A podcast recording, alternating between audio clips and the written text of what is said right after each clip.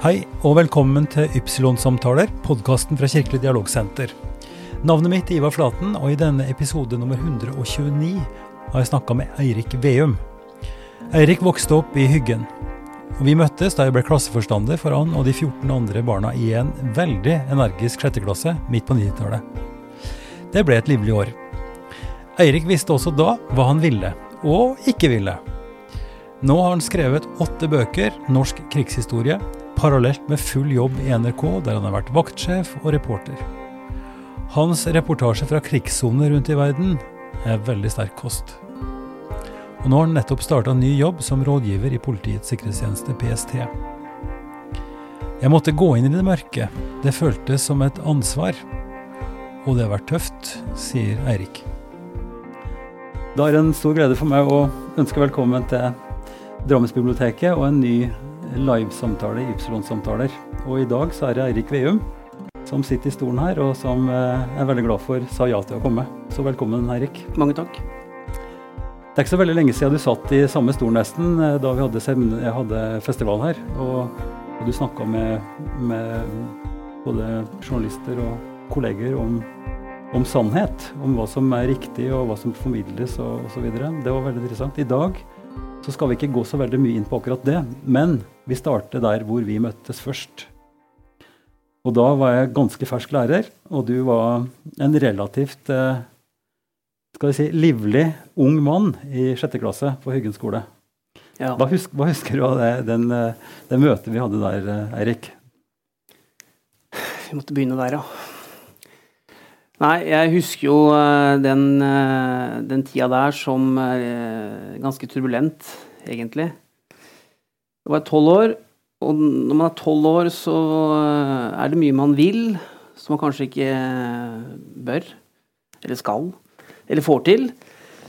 Og jeg husker når du kom inn i klassen vår, så hadde vi jo et år bak oss som hadde vært eh, veldig slitsomt for de som jobba på den skolen. Mm.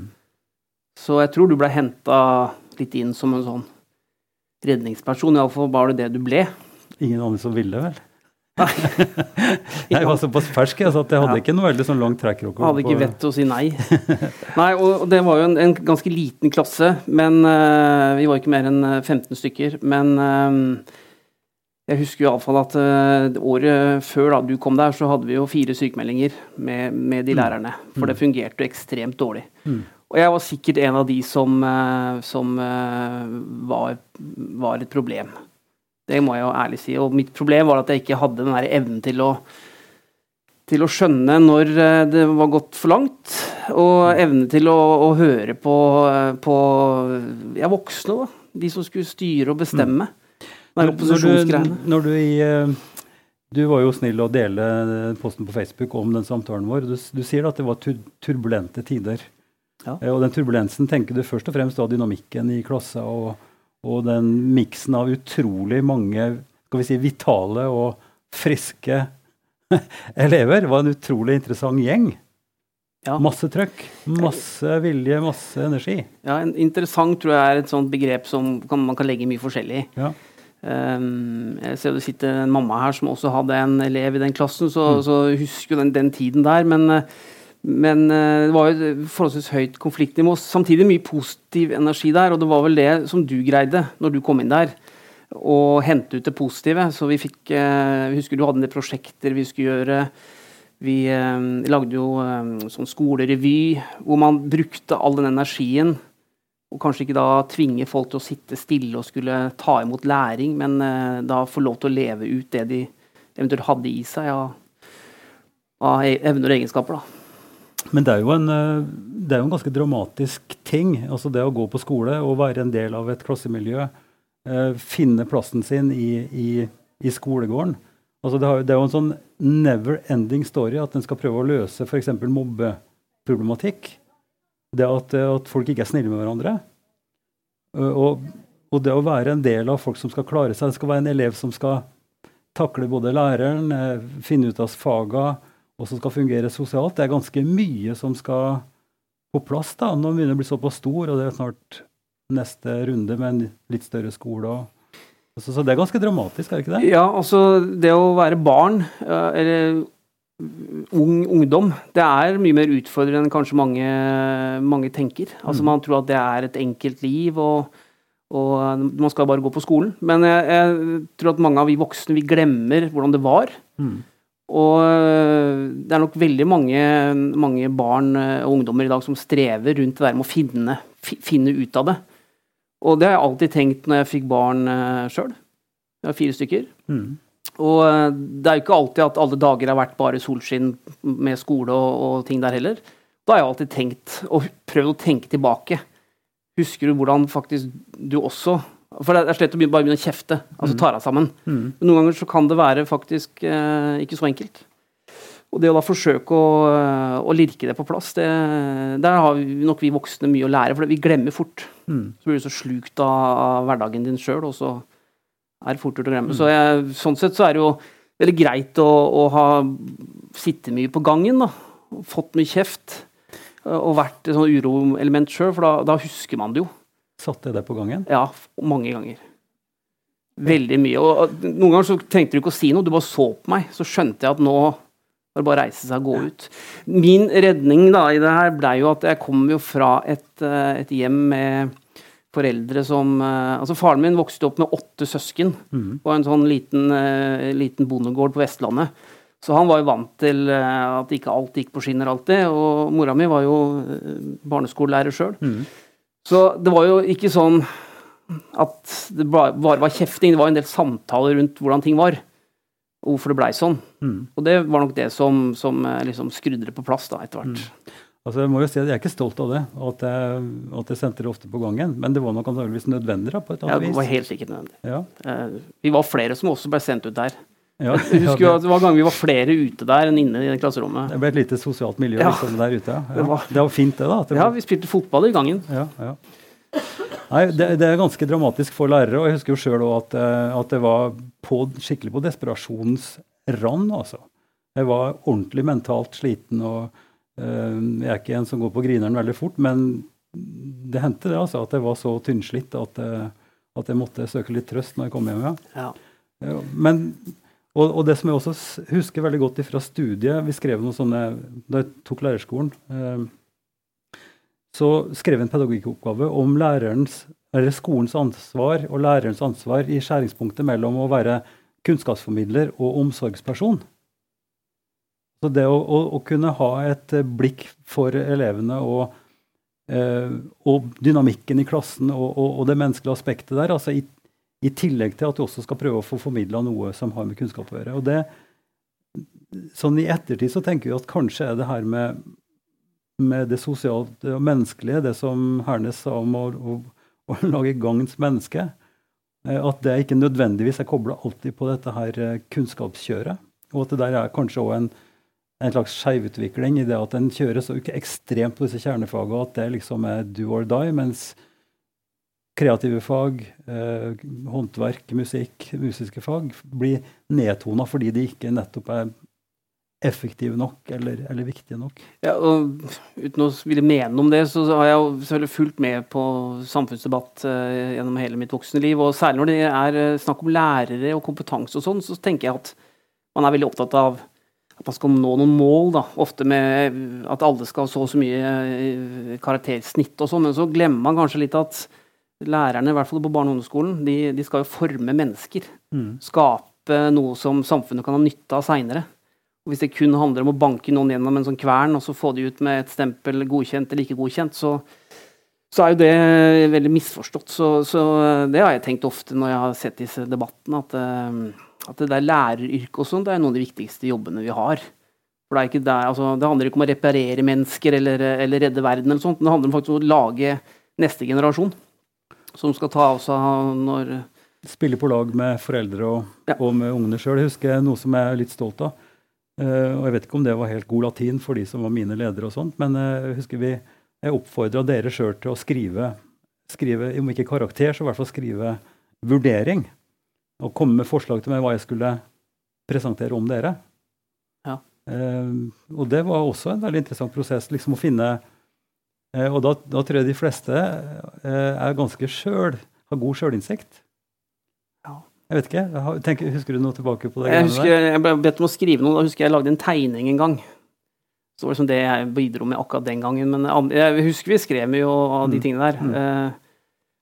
Uh, og det handla om å se seg sjøl utenfra. Og noen greide det sikkert. Jeg veit ikke om alle gjorde det like nei, bra. Nei. Neida, men uh, det som berga meg og oss, tror jeg, det var jo at uh, to uker ute i skoleåret så dro vi til Spitterstulen. Leirskolen, ja. På leirskolen i Jotunheimen. Oppe i fjell, fjellet. Er det noen som har vært på leirskole her? det er noen, ja. Ja, det er, ganske, det er ganske interessante saker. Og da var vi jeg tror jeg fikk med meg to og to voksne.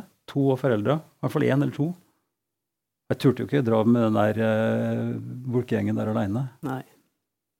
Nei. Vi kjente jo ikke deg da. Men Spiderstulen ligger vel på 1200, kanskje? 1200 meter? Ja, det var kaldt der. Men Goldepiggen ligger på 2004. Mm. Alle 15 kom opp. Det sier litt om, eh, om trøkket i de folka der, tenker jeg. Men det var nok òg det som og De turene vi hadde til, på bredturer og gikk, eh, gikk, tur og måtte slåss om hva du skal ha på, ikke på eh, kveldene, natta som gikk eh, liksom, med å jakte folk i gangene og sånn. Det, ble ganske Vi ble godt kjent med hverandre, da. På, på, på, flere nivåer, for å si det sånn. Ja. Det var jo rom med jenter og gutter og greier, da. Så det var jo det var kanskje etasjen nå, jeg husker ikke helt, men det er mange år siden, Erik, men, ja. men det, var, det var for en, en, en, tur som jeg tror hjalp oss til å bli litt mer kjent med hverandre utafor akkurat de få timene nede på, på, skolen om dagen. At vi så litt mer, og, og kanskje så potensialet både til, til, at eh, lærere kan eh, funke noenlunde greit, og, og elevene som ser ut til å være helt sprø, faktisk er ganske fine. Ja, men jeg husker det var noen av oss som ikke ville ta imot beskjeder. Jeg var sikkert en av dem, for jeg, vi ble bedt om å kle på oss godt, da. Vi skulle jo mm. opp på noe bre eller noe greier. Men jeg tenkte at det var tenkte jeg, dårlig forslag, så jeg kledde på meg ganske lite.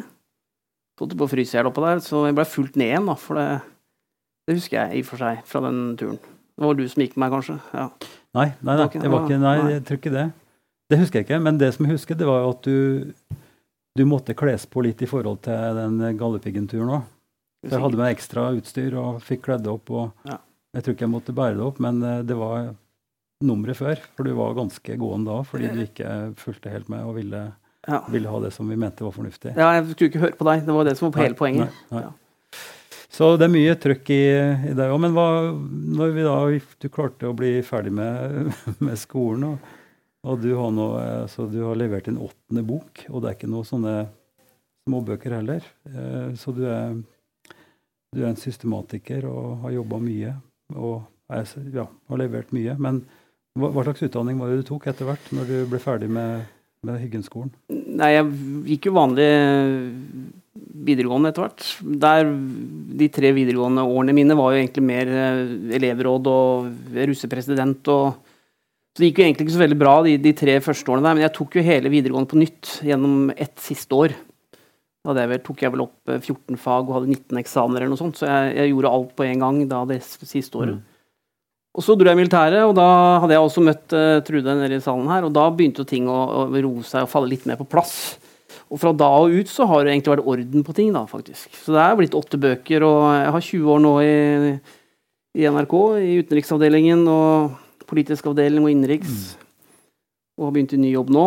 Uh, hvor det er veldig krav til systematisering og, og orden på ting. Så, um, det kan ikke være noe særlig tvil om det. Uh, men, men så, det, det, må en jo på en måte huske når en uh, både i forhold til unger og på skolen eller hvor en nå møter de, at, at vi gjennomgår utviklinger, og, og, det er vanskelig å vurdere. Bestefaren min han var rektor på en skole i, i Oppdal, og, og, han var nok prega veldig mye av både psykologien og det som var god latin den gangen.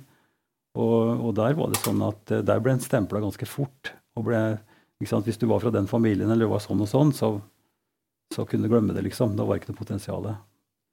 Mens, eh, mens, det vi vet, er jo at alle har et potensial. Og den eh, gutten som da kanskje laga mest bruduljer i skolen, er jo den som da kan få for ut, utretta mer enn læreren, kan man kanskje si. Eh, så det er interessant, Erik. Men, men la oss gå litt videre på det med, med det sosiale og, og, og, hva som blir skrevet, og hvordan en, en i oppveksten også nå blir prega av digitale medier. Eh, og hvor det å skulle sosialiseres, tenker jeg, altså det å bli en del av gruppa osv. Hvor utrolig sårbart det er å bli outa og, og ja, bli utsatt for uh, utestenging osv. Kan du huske om, det, om, vi hadde noen problemer med det? altså Med, med mobbing eller en sånn, sånn, ting den gangen vi var sammen på Hyggenskolen? Ja, det var det vel uh, der. Altså Problemet ute i Hyggen var at det var et lite miljø, en liten skole, veldig få mm. elever. Og da, da, hvis man ikke helt finner eh, noen der uh, som er som en selv, eller man kan finne noe tilhørighet med, så er det jo fort å, å bli, uh, bli utafor på sånne, sånne, små steder. Der er det jo sikkert fordeler med å vokse opp der du alltid har noen som, som, som man kan mm. bli en del av. Mm. Nå har jeg vært litt borti mobbeproblematikk seinere gjennom at jeg har jobba med saker som journalist og sånn, og jeg har jo sett at det der er jo fortsatt et stort problem. Nå eh, er det jo mye råere enn det var den gangen. Eh, samtidig så tror jeg generasjonen som vokser opp nå, de er mye mer opptatt av det. De snakker mer om det. De, de har litt annen bagasje med seg også gjennom, gjennom, gjennom skolen, som har blitt mye mer obs på det. Mm. I dag er det jo ingen lærere som snur ryggen til. Det skjedde nok mye mer før. Uh, Iallfall som ikke orka gå inn i konflikter eller, eller uh, evna å gjøre det. Mm. Nå ser vi jo at uh, læreryrket har blitt så mye mer enn det det kanskje var for, for et par generasjoner ja. siden. Men en lærer er jo ikke en lærer er lik en lærer. Altså Det er forskjellige folk, og det er forskjellige evner til å se ting og ville ta ting òg. Ja. Så det er nok en sånn never ending story, tror jeg, at en må ta inn over seg at, at, det skjer ting som ikke burde skje, og, og at en må ta tak i det så godt som mulig. Men at det er vanskelig, og det er jo også blitt noe av det som du, hvis vi nå skal snakke litt om forfattergjerningen din, har tatt tak i som har vært veldig smertefullt. Å gå inn i å snakke sant om hvor ille såkalt vanlige folk kan bli. Hvor stort potensial vi har for å, å komme fryktelig skjevt ut. Og, og ja, bli nådeløse, som du bruker. Nåde er jo et kirkelig teologisk begrep. men men å være nådeløs, det betyr også at en ikke bryr seg om, eller, eller mjeler sin egen kake uavhengig av andres lidelse og sånt. Og det Hvorfor i all verden gikk du inn i de greiene der? Nei, det, det, var vel litt av de samme drivkraftene som jeg faktisk snakka litt om til å begynne med. Hvor um, autoriteter, eller uh, kall det voksne, sier at det, det der må du ikke gå inn i. Det må ikke du gjøre, for det der er farlig, eller det blir ubehagelig for deg, eller, eh, eller det der er ikke lov. Mm. Og jeg var veldig med på å utfordre den når jeg var, eh, når jeg, når jeg var liten, når jeg var mm. unge. Da, da, da, gjorde jeg det hele tiden. Det var litt av poenget med å nevne mm. litt om det i stad. For det, det, jeg tok med meg den der seinere. Mm. Og um, forfatterskapet mitt ble jo sånn at jo mer jeg ble advart mot å gå inn i de arkivene, eller røske opp virkelig i det kapitlet av krigshistorien, jo mer innstilt ble jeg jo på å gjøre det. Og jeg har jo brukt eh, på denne nådeløse serien du snakker om, det, det, er, det er fem års blodslit. Altså arbeid fra alle døgnets ledige timer, i tillegg til en jobb ved siden av og en familie. Så satt jeg oppe hele netter bare for å komme i mål i de fem årene. Mm. Altså 15 000 dokumenter tror jeg vi, vi brukte totalt. Og, og, drivkraften her var hele tiden å dra opp det som ingen andre hadde orka å gjøre, eller, eller turte å gjøre. da. Og um, jeg husker foreldrene mine sa jo liksom hva, Hvorfor orker du? Hva er, hva er drivkraften din? Mm. Uh, pappa var veldig på det. Altså, men som jeg sa, altså, noen må gjøre det. Og det, det, må være meg.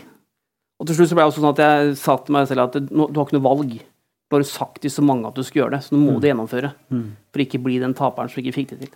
Så det, det var drivkraften, og, og, sånn sett så var jeg glad for at jeg fikk mye motgang eh, tidlig. Altså at du hele tiden utfordra autoriteten, da på en negativ måte. Men nå etterpå så ser jeg jo at eh, det å ha de kreftene da, i seg, var egentlig ganske bra. Men å bli Jeg tenker også på, på oppvekst og skole og sånt. Å gå hardt ut og vise at du er uenig eller kjøre løpet og sånt. Eh, hvis, hvis en da blir møtt med vold, eller møtt med altså, kraftig avvisning, er nå én ting. altså Det blir korrigert og blir møtt og, og møte veggen på en måte er fint, men at det fremdeles er en slags fornemmelse av at du er ikke helt aleine. Altså, du er innafor et system fortsatt. Det er ingen som, eh, som liksom kaster deg ut eller, eller outer det alvorlig. Ja, jo. Samtidig så føler man seg veldig alene når det blåser, ja. fordi ja. Eh, det er ikke alltid at de som burde stått ved siden av deg, gjør det. Nei, sånn, nei. Eh, av, selv om både som forfatter og som journalist så har jeg jo følt at jeg har hatt ledere som, som har stått der når det virkelig har, har men de er ikke med deg hjem, ikke sant? Eller, eh, eller når du går og legger deg om kvelden og du ligger og gnager på ting, så, så er jo de borte. Mm. Og da sitter man jo med ting ofte aleine. Så det er jo mm. det med å ha, ha de rette knappene og, og, trykke på, vite hva du skal skru på sjøl for å få uh, Hva er det som gjør at du eh, Når kan du slappe av? Når kan du, hva skrur du av eller på for å for å kunne legge det der i et eget skott, liksom? Eller er det, er det i deg hele tida? Det, det, er jo med altså når man driver med ting. Sånn er det sikkert med oss alle. Hvis det er noe vi går veldig inn for, så, så, så det henger jo ved, ved deg. Mm. Men klart Det, det er jo én ting, for det er jo bøker som er skrevet i et fredelig samfunn. Det verste jeg har opplevd, er jo å bli trua med juling på sånn uh, boksigneringsstand på et kjøpesenter før mm. jul. Mm av en mann på 85, og det, det var, jeg var liksom ikke så bekymra for det. Uh, det er et søksmål som kan komme, mens når du har vært ute og reist som krigsreporter og sett ting der, så mm. tar man med seg ting på en helt annen måte. Mm. Da skal man jo bearbeide til dels voldsomme inntrykk og mm. følelser. Mm. Ja. Uh, og opplevelser som, som, man må bruke andre mekanismer. Det kan vi komme tilbake litt til, men, men jeg vil bare snakke litt mer om om det bokprosjektet, først og fremst det nådeløse prosjektet. Fordi eh, du ser drivkraften er å, å, ta det fordi ingen andre gjør det, eller du, det er du som skal gjøre det. Eh, men det er å åpne noen kapitler og gå inn i et område som er veldig mørkt, og, og som også rokker kanskje ved noe av, eh, av sjøloppfatninga vår. Eh, når det gjelder krigshistorie, når det gjelder de fortellingene som fortelles. Og når vi ser tilbake på skoletida også, så har vi jo en tendens til at vi lager historiene det er ikke nødvendigvis eksakt avbilding av hva som skjedde, men vi, har våre, vi lager oss våre fortellinger. Og i krigshistoria så har det jo vært sånn at vi har fortellingene om gutta på skauen og, og, på en måte heltene og det som Beskrivelsen av oss som gode nordmenn. Ja, Jeg var jo født ti år etter krigen, riktignok, mm. men, men hele den der tanken om å åpne opp disse kapitlene som er så mørke, og som lager alternative fortellinger, og nå historien om jødene, som har gått på NRK nå, sjokkerende og, og tror jeg sånn øyeåpner for veldig mange på hvor ille vanlige folk, altså de fleste av oss, eller mange av oss, blir når vi er en del av et kollektiv som enten ikke bryr seg, eller som går en konvensjonell vei og, og sånt noe. Så det å gå inn bevisst for å åpne opp og, og, og konfrontere dette er på en måte ja, det var drivkraften. Eller det var også motivasjonen, eller mye av det. Og det å vise frem hva også norsk krigshistorie er, hva den inneholder, og at ondskapen også kunne være norsk, da. Som du sier, Vi hadde lagd oss et bilde av hvordan det var, og det var veldig klart definert uh, hva som var det gode, og det var, det var oss i Norge. Mot, altså, bortsett fra en liten gruppe mørke skygger vi egentlig ikke visste så mye om. Mm. Og så var det, var det alle de slemme der ute som vi, vi jagde til slutt. mens jeg ønsket jo egentlig å vise at uh, tusenvis av nordmenn gikk jo i tjeneste. Mm. Og uh, mange av dem uh, gjorde langt verre overgrep mot menneskeheten enn de fleste tyskere som var her. og det å vise det frem da, og utfordre det bildet, det, det ble jo det, det, var jo det som var viktig for oss, eller for meg. Og så fikk mye oppmerksomhet. Ekstremt mye kritikk, men også veldig mye mye, mye, positivt. Altså, disse bøkene mine kom da ut for, eh, for 10-12 år siden, i starten av den serien, og de selger jo veldig bra enda. Mm. Så at Mange av dem blir jo lånt på bibliotekene og blir fortsatt lest mm. og, og, brukt som kildereferanser. og sånn, så det, det, det, er jo det viktige at man greier, eller at vi greide, da. Eller jeg som forfatter også greide å, å, å endre på noe. Så, um, men, men, men, det, men, det, kunne fort ha stoppa, fordi det var ekstremt mye mot, motgang.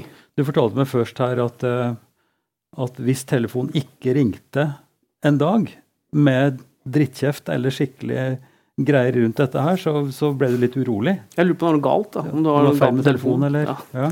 Nei, det var en periode hvor det var ekstremt, som jeg, jeg, jeg husker som uh, i og for seg uh, slitsom på en positiv måte, for det var mye energi i det å stå i det. Men, uh, og, og, da blir man veldig sånn ekstremt egoistisk på Altså, alt handler jo om en selv. Og, det, og etterpå så, så, ser jeg jo at det å, å, å, å ha sånne mennesker rundt seg som, som, jeg da hadde, men de må nok også ha opplevd det, familien min, som ganske slitsomt. Nå kunne du så klart ha invitert opp noen ja, ja. på scenen. Og Vi får ta det etterpå. det, det, skal vi ikke ta nå. Men, men altså for meg så er det òg et type eksistensielt eh, aspekt ved det her. At en er villig til å gå inn og konfrontere eh, den ondskapen eh, og den erkjennelsen av at vi er, vi er, i stand til å gjøre hva som helst. Og da mener jeg vi. Altså at det ligger i mennesket en, en mulighet til å, å, å, gå den veien som er så fryktelig gæren. Altså jeg har jo holdt mye foredrag om det her, og da spør jeg ofte kunne vi alle eh, påført et annet menneske smerte? Eh, kunne vi eh, gjort et annet menneske noe vondt hvis vi mente at vi gjorde det gode? Og da sier jo de fleste ja. Mm. Sånn, hvis, eh, hvis, man bare se altså, Eller en del sier at nei, nei, jeg kunne ikke slått noen. Men eh, så snakker vi litt om det som har skjedd i nyere tid på eh, Guantánamo f.eks., med amerikanske soldater med topp utdannelse, skolert, som også har gjort mm. disse tingene. Uh, i, i, det godes navn, fordi vi skulle stoppe IS.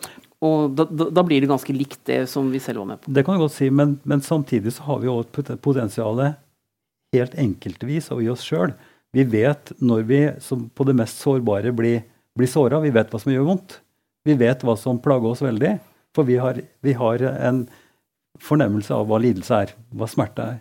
Og Det betyr også, når vi da blir i konflikt med noen, kan være nære folk, eller, eller folk som vi, som vi, har behov for å straffe på en eller annen måte, eller konfrontere, eller Altså, Så mitt poeng er at vi, jeg tror, også må erkjenne at vi er i stand til å gjøre ganske ille ting uten at det er noen store, overordna perspektiver i det. Det er bare at vi har et potensial til, til, til, til ille ting. Og det å legge fram det, er altså en type eh, rengjøring eller en slags eh, eh, realitetsorientering som jeg tror er kjempeviktig.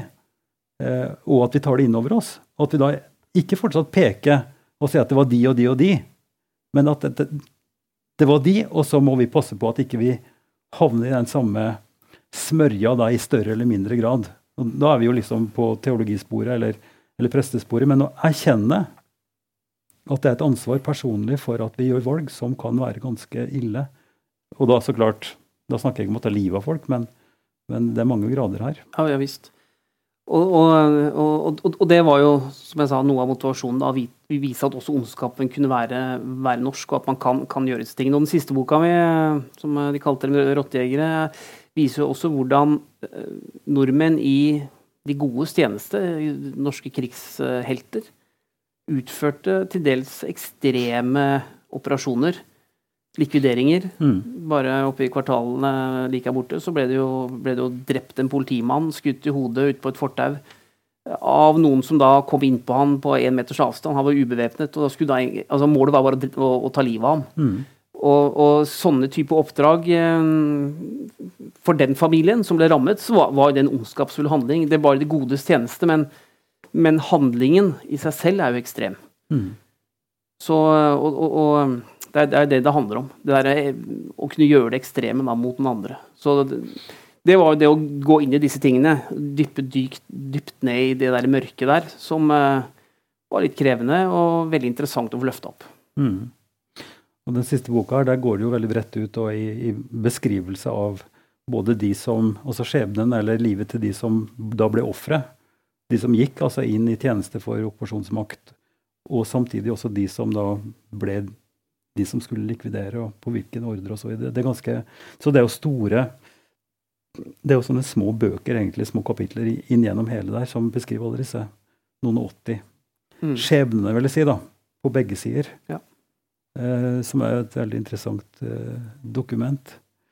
Men eh, det forestiller meg også, altså i Sånn som når jeg ser eh, det du har beskrevet nå, med full jobb, krevende jobb, en jobb der du er veldig synlig eh, i NRK osv., og, så og samtidig kjøre de prosjektene Er det noen timer igjen da? Finner jo alltids noe. Eh, så Ja da. Nei, det har jo vært det. Jeg har jo, jeg har jo rugget å lage fire, fire unger og oppdra dem. Så noe, noe tid var det jo. Ja. Nei, vi skal, vi, skal, ikke gå så veldig dypt i det, men, men jeg, jeg, forstår jo, jeg, forstår at dette, jeg forstår at dette her er et engasjement og en tidsbruk og en struktur og en skrivejobb som er ganske voldsom. Hvor mange andre har du hatt med deg i prosjektet? Du skriver litt i innledninga her om en som du, som du ikke fikk oppleve å publisere boka sammen med. Mm. Det er litt sånn ulikt. Eh, noen bøker vi, var vi ganske mange, og jeg samla ganske store team, for det var mye materiale som skulle gjennomgås. Eh, eh, andre var jo nesten alene, eller hadde kanskje én eller to samarbeidspartnere. Mm. Det var litt varierende her. Men, men på det meste så hadde vi hadde jeg tolv som jobba nesten på fulltid ved siden av sine jobber. da, for ja. også, altså Den første av den nådeløse serien, altså om statspolitiet og det handla jo om at det var et såpass eh, ekstremt stort arbeid som skulle gjennomgås. Altså det var 3200 mennesker som skulle, som, som skulle kartlegges. Og, og i, i, sånne bøker så kan man ikke komme med en stavefeil eller en feil dato eller uh, Altså, he, heter du Markus, så heter du ikke Marius, f.eks. Altså, det, er, det er sånne ting som, eh, som var så ekstremt viktig å, å, å få på plass. da. Så Derfor så måtte vi ha et ganske stort apparat. Uh, og Jeg følte at jeg drev nesten en sånn liten bedrift. Mm. Hvor det handla egentlig om å rote rundt i krigshistorie. Men uh, det fungerte også, også, også, bra. og Jeg merka at motivasjonen til mange da, for å hjelpe til i sånne prosjekter var ganske stor. Mm. Fordi man føler at man var med på noe i seg noe, mm. noe, noe, litt viktig. Ja. Det har jo vært ganske mye turbulens rundt uh, krigshistorie med Marte Michelet sin bok f.eks. Og, mm. og den nye versjonen av motbøker og alt mulig. Tenker du og føler du at, eh, at det arbeidet som er gjort, da, inklusive ditt eget og den siste boka, at det har vært med på å, å, å forandre på folks oppfatning av krigshistorie? Ja, altså De blir jo lest og kjøpt, og jeg tror folk tar inn over seg det som har kommet her. Det, det jeg vet er jo også at Riksarkivet åpnet jo opp eh, Landsriksarkivet sitt, og noe av begrunnelsen var jo at nå, nå begynte det å komme så mye bøker med innhold derfra mm. fra det lukka arkivet. Eh, så rett og slett for å gi alle den samme tilgangen til det materialet, og eventuelt også korrigere feil som var kommet, så, mm. så valgte man å åpne det opp. Så jeg har inntrykk av at, eh, av at uh, Norge, det norske samfunnet, har tatt til seg mange av disse tingene. Mm. Og nok også fått et litt annet forhold til det med å ha tjenestegjort på ulike sider. Mm. For ulike, u, u, ulike aktører, da, mm. og, og, ser at det, det, er ikke sånn at ting går i arv. Man kan nok snakke kanskje litt mer åpent om det nå. Mm. Uh, I min egen slekt så fant jeg jo forskjellige, både på den ene og andre siden, mm. som hadde, hadde hatt funksjoner. Og det, det var jo veldig interessant å erkjenne, eller se det også, at, mm. at det er ikke, det ikke svart-hvitt. Og, og, selv mennesker som etterpå bare var, var gode, kunne jo også være i tjeneste for noe som som vi nå vet var galt. Det er et interessant utsagn, Erik. Folk som bare var gode. Sånne folk har ikke jeg møtt noen gang, tror jeg. De kalles helgener, det. Og det er liksom en annen kategori. Men man husker dem sånn. ja, ja visst. Ja. Neida, du har et poeng. Men nå må vi gå liksom utenom fritidsjobbinga di. For du har vært altså ansatt i NRK i 20 år. Mm. Som vaktsjef og som utenriksreporter og krigsreporter har vel vært et navn du har hatt også. Um, La oss snakke litt om det. Eh, når du sitter som vaktsjef, bare gi oss et eh, bitte litt bilde av hva, hva, hva gjør du da? Som vaktsjef i Dagsrevyen så gikk jo, eller går jo den jobben ut på å bestemme veldig mye og ta avgjørelser om hva som skal på, hva som skal sendes, hva som ikke skal sendes. Eh, hvor vi skal, eller hvor NRK skal dra. Mm. Hva man skal rykke ut på.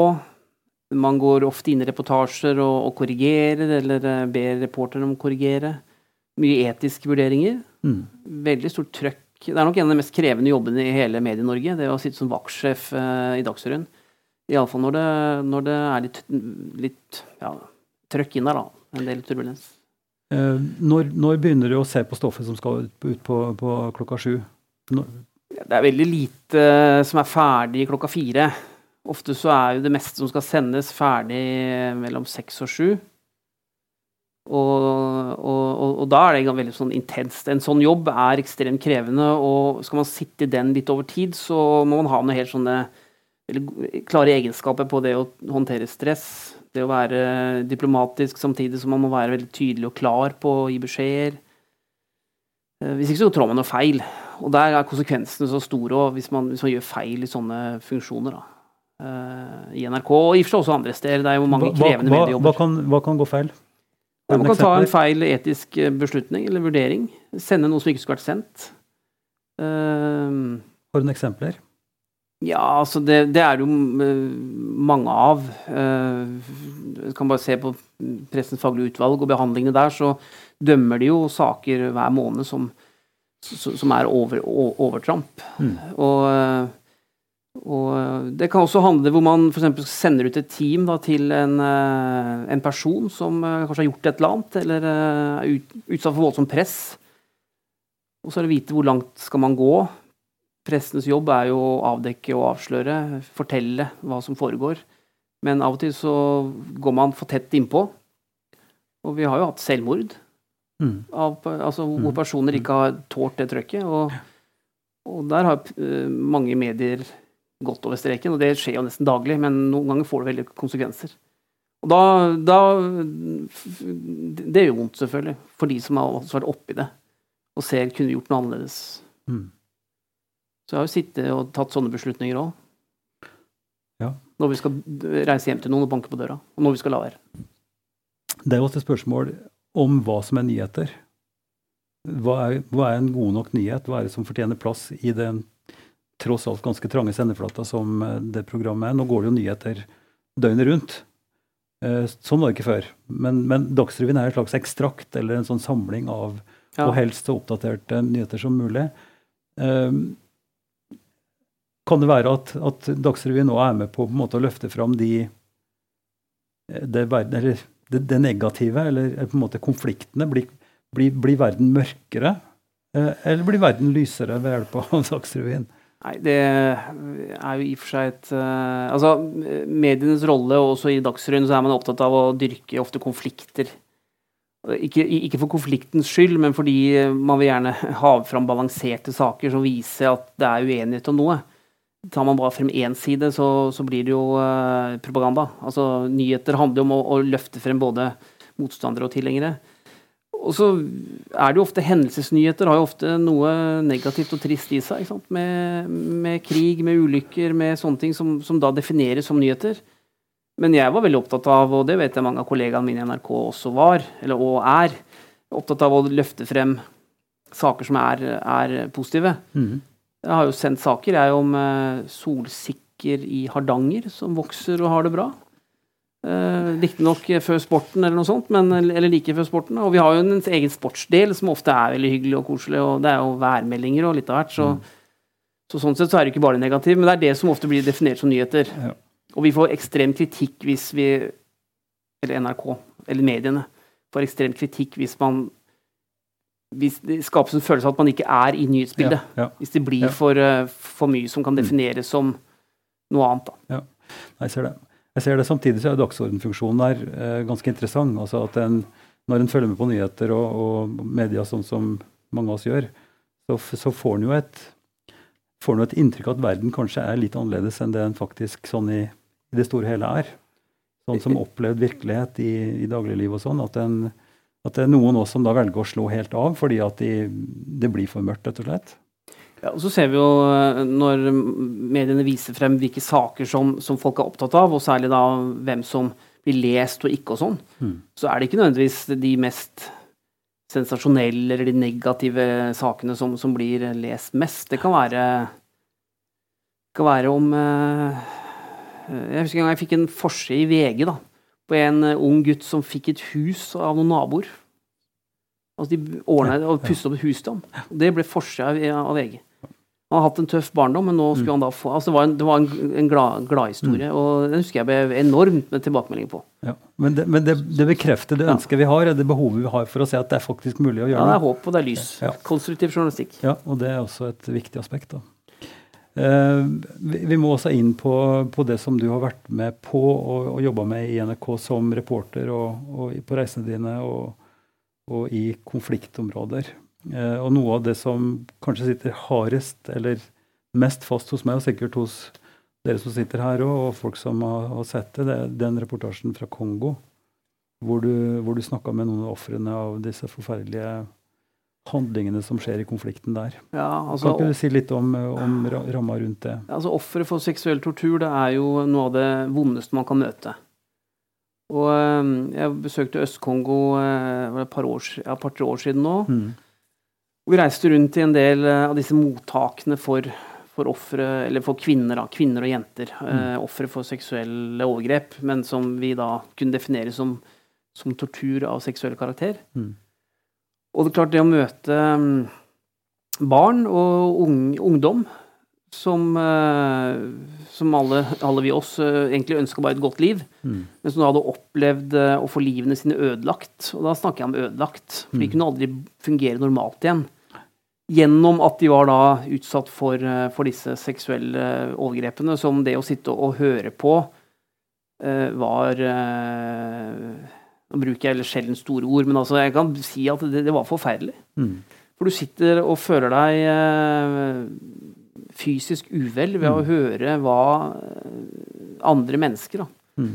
menn stort sett, hadde gjort mot disse, disse kvinnene og der var, der var, ikke hensikten å voldta dem for, for voldtektens skyld, men, men, å ødelegge dem også fysisk, slik at de aldri skulle kunne fungere igjen. Mm. Som eh, Altså gjøre de sterile, f.eks. Altså ødelegge evnen til å, til å amme, alt mulig sånn. Og, eh, men det som sterkest sitter igjen, det er jo hun eh, jeg møtte som satt med en liten baby, mm. og som forteller at hun hadde hatt tre små gutter og en mann og levde i en landsby. Så ble den landsbyen angrepet av en militsgruppe hvor, øh,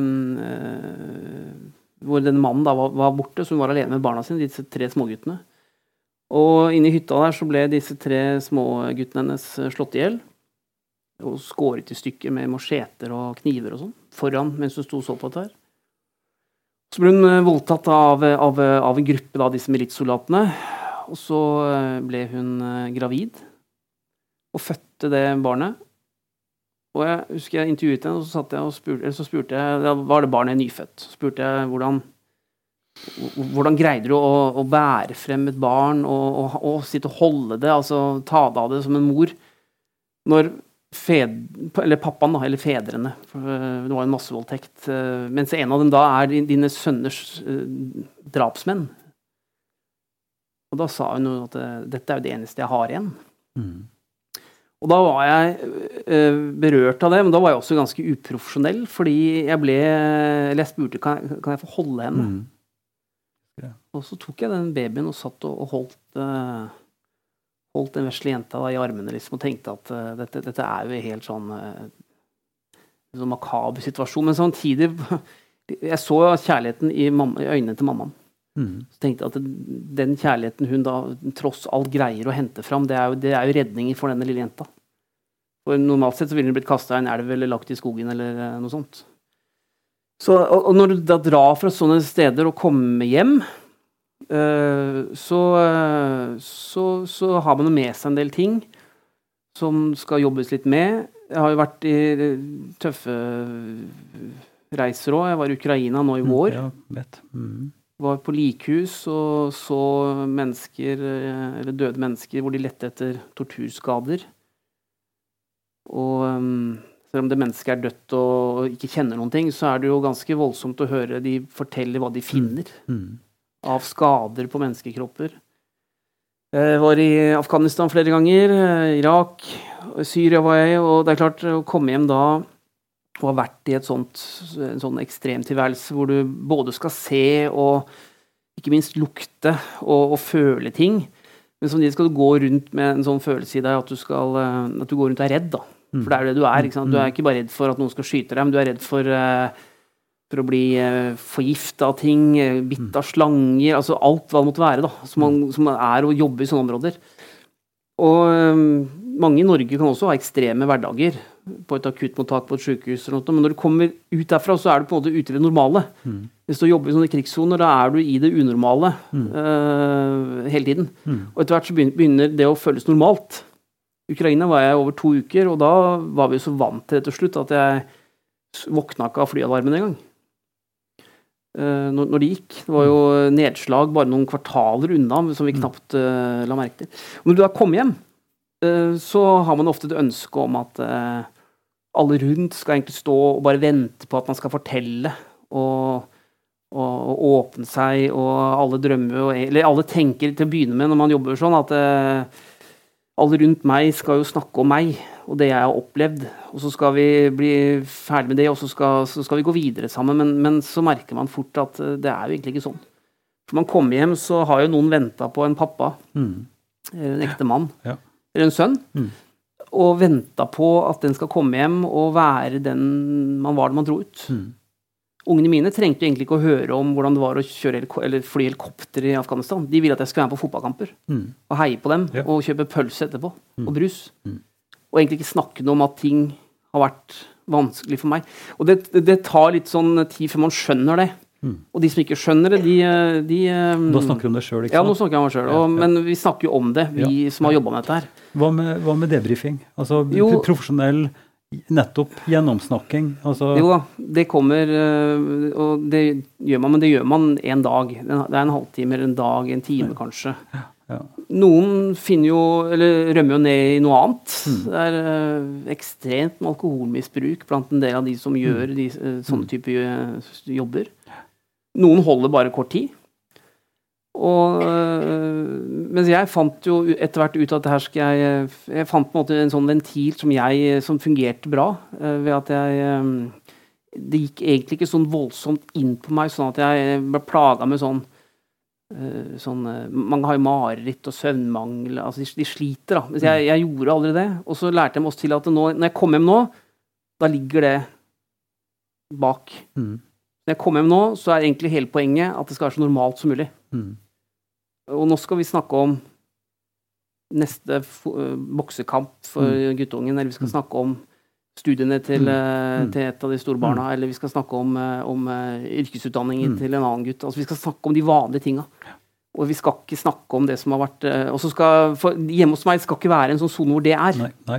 nei da, og det, det, tror jeg nok er både klokt og, og så videre. Men, men, det er også helt klart at de inntrykka som du og folk med samme jobb, eller folk som har samme inntrykk, om det er leger eller reportere eller, eller andre, folk som er i krig for så vidt, så det er klart du har et legitimt og et nødvendig behov for å, for å bearbeide. Altså for de tinga som du snakker om som blir parkert, som blir lagt i en skuff og borte, de er jo der. Jo, de, de, er der. Og så tror jeg det er viktig å greie, og som jeg har sagt til mange yngre enn meg som når de begynner å dra ut, at nå, må du, nå kommer du til å se ting, og så må du være veldig tydelig på hva som du kan gjøre noe med, mm. og hva du faktisk bare må akseptere at sånn er virkeligheten. Mm. Og så gjør du en viktig jobb i å fortelle oss andre om det når du kommer hjem, mm. eller lager reportasjer. Men uh, jeg har jo opplevd at jeg har vært skyld i ting som har skjedd. Mm. Husker jeg ga en tyggegummipakke til en liten gutt. Kanskje to år. Da skjønte jeg ikke bedre. Det var en av de første turene mine i, i Tsjad, i Darfur-området mellom Sudan og Tsjad. Mm. Og den lille toåringen han sto med den tyggemipakka og var kjempestolt. Han var, så, han var, det var kanskje to-tre sånne juicy fruit eller et eller annet. Mm. Men han var jo sånn var lykken for han. ikke sant? Han har mm. fått den av meg. og, og mm. Når vi satt på lastebilen med noen soldater og kjørte vekk derfra, så så jeg jo at de andre barna kom og slo han for å få ta den tyggegummen. Mm. Han var liggende, faktisk, når de løp. Og det var jo noe som eh, Det satt i. Det var min skyld. Mm. Helt ene og alene. Det hadde ikke skjedd hvis ikke jeg hadde hvis jeg hadde visst bedre, da, skjønt bedre. Så det, det, er jo sånne ting som, eh, som, kan sitte i, og som man skal bearbeide litt. Men uh, du har helt rett at alle trenger en debrief. Men samtidig, hvis man, hvis man, er helt Altså den halvtimen eller den timen en prat med en psykolog, det, det, er ikke det som gjør om du kan stå i sånn over mange år. Nei, nei. Det er noen egenskaper mm. man, man, må ha. Ja. Og det passer ikke for alle. Det passer for veldig, veldig få. Mm. Å jobbe i sånne områder mm. over tid. Mm. Og man, noen, man, må skjønne de ventilene, og også greie å kjenne på seg sjøl nok. da. Mm godt nok til å vite nå er, nå er det nok. Nå, nå, har jeg det ikke bra, og så må man gjøre noe med det. Så du har variert. Du har hatt forskjellige funksjoner. Du har jobba i redaksjon, du har jobba ute, du har vært på farten. Men eh, nå blir det en ny tid. Nå har du sagt takk og farvel i NRK. Ja. Eh, og du har holdt på både i skrivinga di og i NRK på om ikke å grave Du kan ikke si at du har vært sånn Jo, det er jo graving. Gravejournalistikk og, og dybdeboring. Det du skal drive med nå, det er at du skal ta en svær spade, så skal du dekke til. For nå skal du jobbe i PST, og der er jobben å vite nok om det som skjer av hemmelige tjenester, til å kunne snakke om det på en måte som ikke eksponerer, eller som gjør at vi skal føle oss noenlunde bekvemme. Uh, si litt om uh, hvorfor du hadde lyst til å, å begynne der. Som man er halvveis i yrkeslivet, så er det jo greit å tenke gjennom kan jeg brukes noe annet. Så det var den tanken jeg hadde. Um, og når det dukka opp en mulighet uh, som jeg kunne søke på, for jeg søkte en, en stilling Og uh, etter et halvt år med tester og intervjuer og, og sånn, så var det meg de valgte. Mm. Og um, det å skulle gjøre noe helt annet, det har jeg tenkt at det har alle godt av. Jeg, jeg, kan, jeg, kan, bare si det at for min del så var jeg 50 år da jeg tok mm. teologien og begynte som prest. Ja. Og jeg har ikke angra en eneste dag. Nei, det har vært en skikkelig opptur. Så det snakker med alle om. At det å ta forandre Altså gjøre en, en vri på karriere, gjøre noe annet, ja. tørre å ta noen sånne skritt, det er utelukkende av det gode. Etter min erfaring. Og det er kanskje noe sånt som ligger ja, bak. Og så tenkte jeg også at før så har jeg fortalt om uh, hvordan verden er. Nå skal jeg også være med på det. Bidra til at den informasjonen som, uh, som de hemmelige tjenestene eller PST da slipper ut, er med på å, å, skape forståelse ute i samfunnet for hvorfor ting er som de er. Mm. Hvorfor vi må ha en hemmelig tjeneste. Uh, hvorfor vi må være forsiktige med noe. Hvorfor ting skjer, og hva vi må være opptatt av uh, kan true oss. Mm. Uh, og da snakker vi om rikets sikkerhet, altså oss som nasjon. Og det er motiverende å være med på. Og så er det, et, det, er en spennende, det er en spennende jobb. Det er en mm. spennende institusjon. Og Stor? Ja, det er den. Mye folk. Ja. Og så er det det viktigste at jeg følte meg ekstremt velkommen når jeg kom dit. Mm. Det var viktig for meg nå, når jeg begynner å, å nærme meg 50. Du faktisk føler at eh, man kan uh, ha en verdi. Mm. Men du Erik, eh, hva var det ved deg som gjorde at de ville ha deg, da? Jeg vet ikke. Det... ikke altså, nå, tenker, nå, snakker vi ikke kategori beskjeden eller, eller sånt noe, men hva slags Altså som journalist som eh, ekstremproduserende eh, forfatter, eh, som vaktsjef. Altså det er en type simultanegenskaper her som Og du står fremdeles på to bein og ser sånn noenlunde frisk ut, i hvert fall. Ja. Selv om du har stressa det noe veldig. Ja. Nei, det, sikkert noe sånt. Eh, også Ja, det, det, var vel like en kompetanse som de hadde behov for, Eh, tror jeg. Et blikk utafra? Ja, jeg tror det er litt viktig i sånne institusjoner. At du får inn kompetanse som ikke er fostra opp internt, men som kan komme inn med nye, med nye impulser og, og, tanker om hvordan man skal løse de eh, til dels krevende oppgaver da, som både PST og, og E-tjenesten og Nasjonal sikkerhetsmyndighet står for, for du er ikke bare en informasjonsmedarbeider, du, du er også i dialog med, med ledelse og, og snakke om Ja da. Det er, av, det er noe av jobben, å rett og slett kunne være til for PSTs eh, toppledelse eh, hele tida. Og eh, da er vi jo en gruppe som, som er det, og det, det, er det som er jobben, mm. rett og slett. Mm. Jeg vet ikke om det er en egenskap som er bra eller dårlig, men, men jeg prøver å holde meg oppdatert på f.eks. Kina, og, og, også naturligvis eh, Russland. Og, og, da tenker jeg først og fremst på elektronikken og overvåkningsnivået og ansiktsgjenkjennelse kunstig intelligens. Jeg har lest, og det har sikkert du også, Orwell og Huxley sant, med Brave New World og hele der eh, greia som vi blir mer og mer, får mer og mer forståelse for. Hvor innvevd vi er i algoritmer, og hvor mye som er kjent om oss. Ikke bare for de store globale selskapene som Google og Facebook og disse her, men, men også hvor mye som er kjent ute i, i, i cyberområdet. Um, vi har ikke noe lyst til å bli som kineserne. Men hvor, hva tenker du er på måte For verst forstår jo at PST må vite mye om oss, og, og, at det er viktig at de vet om hva som skjer av både trykk og angrepsgreier og cyberkrig og så, alt mulig sånt noe. Men hva tenker du om det, Erik? Om, om det nivået som nå fins på uh, detaljert kunnskap ned i mikronivå på hver enkelt av oss, og hvor, hvordan det kan brukes og misbrukes? Altså, Norge er jo et av, av um, verdens fremste demokratier. Og her har man jo valgt at vi alle skal ha en viss form for frihet. Vi skal stort sett få lov til å si det vi vil. Tenke stort sett det vi Eller der kan vi tenke hva vi vil. Men uh, det å, å, kunne um, ha denne nesten ekstreme formen for frihet, er jo det som PST og de hemmelige tjenestene skal være med på at vi skal få lov til å ha. Mm. Det er jo trusler mot demokratiet, mot uh, sikkerheten og rikets sikkerhet og vi som bor her, mm. som er deres, uh, deres, jobb å bekjempe. Og så er det jo at skal man greie det, så for PSTs del så handler det om å passe på det som skjer i Norge.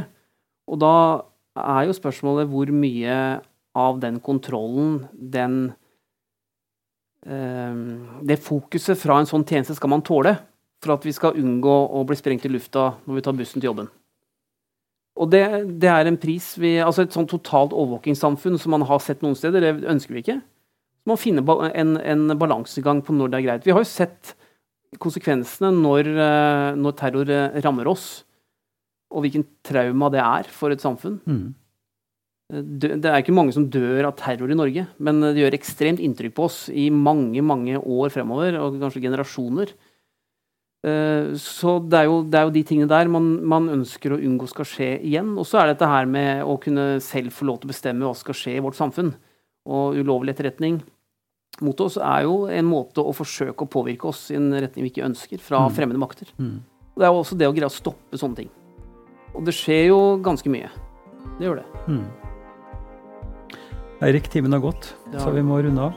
Eh, jeg ønsker deg lykke til med, med den nye jobben. Takk for eh, jobben så langt. Takk for bøkene dine. Og så eh, får du ta det rolig. Takk for praten. Takk skal dere ha.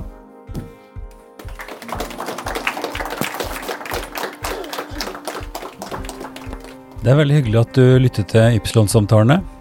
Det er nå et stort eh, arkiv. Det er nesten 130 samtaler som eh, er gjort i de tre åra vi har holdt på. De finner du alle sammen på ypsilonsamtaler.no, altså www.ypsilonsamtaler.no. Der finner du en kort film og en liten tekst og en beskrivelse av episodene. Så det anbefaler jeg sterkt at du kikker på. Podkasten er støtta av eh, Einar Juels legat. Den er også støtta av eh, Drammen kommune via IMDi-midler og av Barne- og familiedepartementet.